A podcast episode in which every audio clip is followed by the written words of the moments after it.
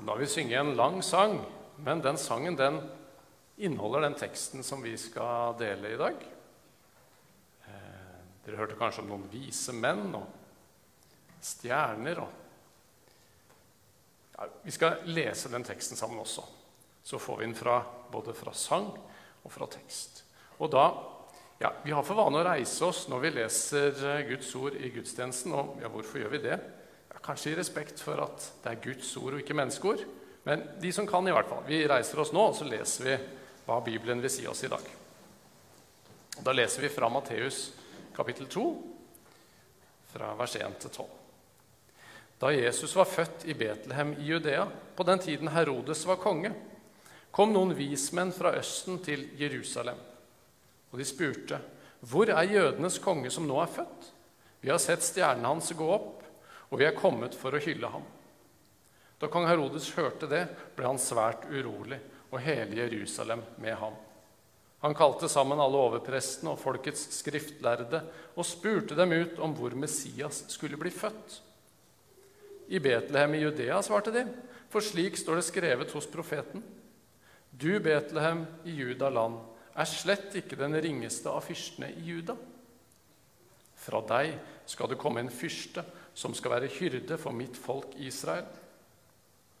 Da kalte Herodes vismennene til seg i all stillhet og spurte dem nøye ut om tiden da stjernen hadde vist seg.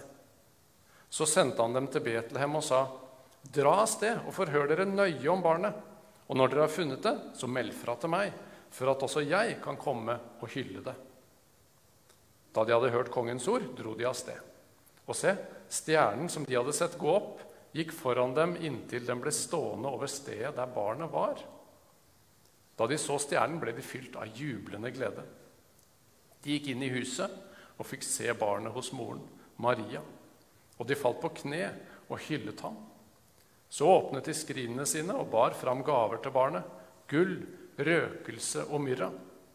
Men i en drøm ble de varslet om at de ikke måtte vende tilbake til Herodes, og de tok en annen vei hjem til sitt land.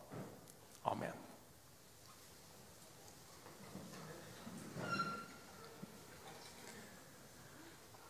Ja, hva er det Gud vil? Jo, Gud han vil ha kontakt. Han vil ha kontakt med deg og med meg. Han vil fortelle deg noe viktig. Jeg vet ikke om du noen gang har opplevd at noen vil si noe til deg, og så kommer en beskjed, kanskje, og så bare later du som du ikke hører det. Eller du vet kanskje hva som kommer, og det er noe du ikke liker. Det er du helt sikker på. Så da skrur du opp volumet på AirPods, eller du gamer videre. Sorry, jeg hørte jo ikke. Da slipper du å svare. Du slipper å ta stilling. Når jeg var ungdom, så hendte det at jeg lata som jeg sov når det var søndag morgen. Ekstra lenge. Så når mamma og pappa kom inn og sa at det var kirke om en time, kanskje, så, så bare lata jeg som jeg sov. Jeg gjorde aldri det. Men det hendte jeg tenkte at jeg prøver. Hvis jeg bare lå lenge nok, så kunne det jo hende at uh, de dro uten meg. Og så kunne jeg stå opp og se på stafett på ski isteden. Vi har alle våre strategier. Og når Gud vil ha kontakt, så har vi et helt arsenal av teknikker som vi bruker for å slippe å ta stilling til det som kommer. For å få et budskap det har jo to sider, selv om det er et godt budskap. Du må jo velge. Skal du forholde deg til det? Skal du ta det imot, eller skal du bare la være? I Bibelen så står det faktisk flere plasser, både i salmene og i et sted som heter Hebreerbrevet. Og han som skriver, ber innstendig i dag, om dere hører hans røst, da gjør ikke hjertene harde, sånn at ordet bare preller av. Så da tenkte jeg vi skulle se på disse vismennene, om de kunne lære oss noe om det å lytte, om det å høre, om å ta imot det Gud vil si. Når himmelens og jordens skaper tar kontakt, så er det lurt å lytte. Og jeg tror at det er noen som står bak alt det vi opplever og lever i. Det er noe mer enn ingenting som er kilden til universet. Vismennene de var underlagt en konge, en sjef. en herre, der de bodde i landet i øst. Vi vet ikke veldig mye om disse vismennene. Vise menn de jobba gjerne på hoffet. De ga råd, tyda kanskje stjerner, hadde en sånn prominent posisjon hos kongen. Og Gavene de tyder på at de hadde ganske stor rikdom. Det var ikke hvem som helst som kunne komme med gull og røkelse og myrra når de skulle ut på tur.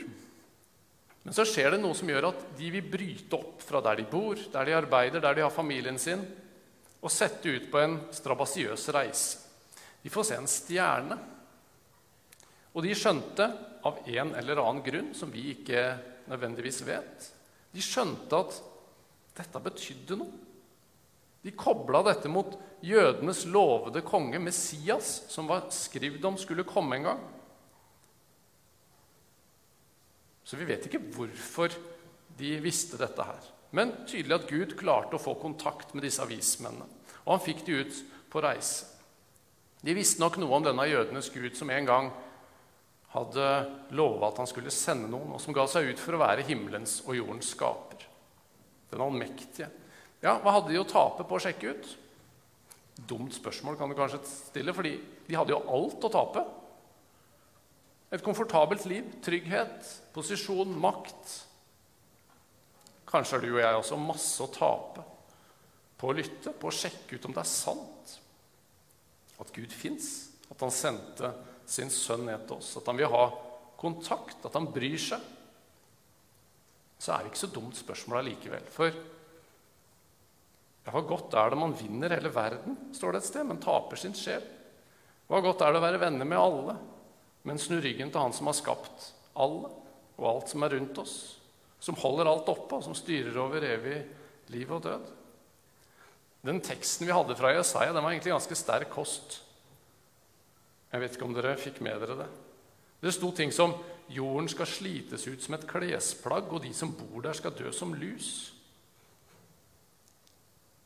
Kunne du ikke sagt det litt mer respektfullt, Gud? Min frelse skal vare til evig tid, var det som kom etterpå. Det var litt kontraster i den teksten, og det var kanskje poenget. Vi er ikke herrer over evigheten. Vi er ikke herrer over liv og død. Men det er Gud. Jeg hørte en historie om en av verdens rikeste menn i USA. Han sa på et tidspunkt så var jeg blitt så rik at jeg kunne få tak i alt jeg ville ha. Og da gikk det opp for meg. Det er tomt. Det er en blindvei. Det ga ikke fred, det ga ikke ro. Jeg ville fortsatt ha mer. Og nå hadde jeg alt. Hvor skal jeg nå gå? Sann visdom, det er å søke Gud når Han kaller. Det er å knele ned ved krybben med Guds sønn. For det er der rikdom, sann rikdom er å finne. Tilgivelse og fred med Gud. Min frelse skal vare til evig tid, leste vi. Så det første vi tar med oss, det var at disse var vise menn. For de søkte Gud når han kalte dem, og de hylla ham. Ja, det er det neste vi skal se på. Vismennene de står at de hyller Jesus, så gir de gaver. Ja, Hva er det å hylle og ære Jesus? Hva må vi gjøre da? Det er ganske uløselig knytta sammen med det å bøye seg for Jesus. Altså, Presten gjør jo ofte det i kirken. Vi kneler ned. Nå har jeg ikke den kneleskammeren her, da, men vi bøyer oss på kne. Så bekjenner vi syndene. Og så er jo det en fysisk symbolhandling, kan du si. Det betyr ikke så mye i seg sjøl, men det skal minne oss på nettopp det at vi bøyer oss for en Gud som er større. Og så er det sånn at Gud han vil reise oss opp, løfte oss opp igjen til et nytt liv. Det står om disse avismennene at de falt på kne og hylla Jesus. Å falle på kne det er å sette en annen over seg sjøl, sette en annen først. Å ære Gud det er å la Gud være nettopp Gud. Du er til Guds ære og glede når du lever som det Guds barn han har skapt deg til. Ikke som en sånn prektigere og bedre enn andre kristen, Heller ikke som en som påstår å vite bedre enn Jesus og Gud. eller en som skal fikse alt sjøl, men en som bøyer seg for Jesus, som går til ham med alt som er vanskelig, all synd. Og vet du, Da vil han være din ære og din stolthet. Da vil han tilgi deg og reise deg opp. Så du kan være rett i ryggen i møte med andre mennesker. I møte med alt som vil trykke deg ned. Og ydmyk i møte med andre mennesker. fordi at det er jo Gud som har reist deg opp. Det er ikke ditt eget verk. Du har ikke noe å skryte av i deg sjøl, men samtidig så vet du at når Gud er med, når Han har reist meg opp, ja, hva i all verden kan vel andre si? De kan jo ikke gjøre noe mot det. Johannes som har skrevet en bok i Bibelen. Ja, han har faktisk skrevet mer enn én. Men han skriver sitt evangelium. Han skriver om noen av rådsherrene. Det var de mektige mennene i, i Jerusalem. De, de, begynte jo å tro at Jesus var Messias. Men de lot være å bekjenne det, de lot være å si det. For de var redd for å miste sin egen ære, sin egen posisjon blant fiffen. De ville heller ha ære fra mennesker enn ære fra Gud. Det er en stor fristelse for oss i dag også. Men så har du altså fått Guds ære, for han har skapt deg sitt bilde. Og da mangler du ingenting. Når vismennene gir gull og røkelse og myrra, så er nok det et uttrykk for at Gud får være både konge og prest for disse vismennene. De gir Gud ære, og de gir Gud sine gaver. Og Det største de kunne gi, det var verken gull eller røkelse, men det var nettopp det at de bøyde seg og lot Jesus få være kongen.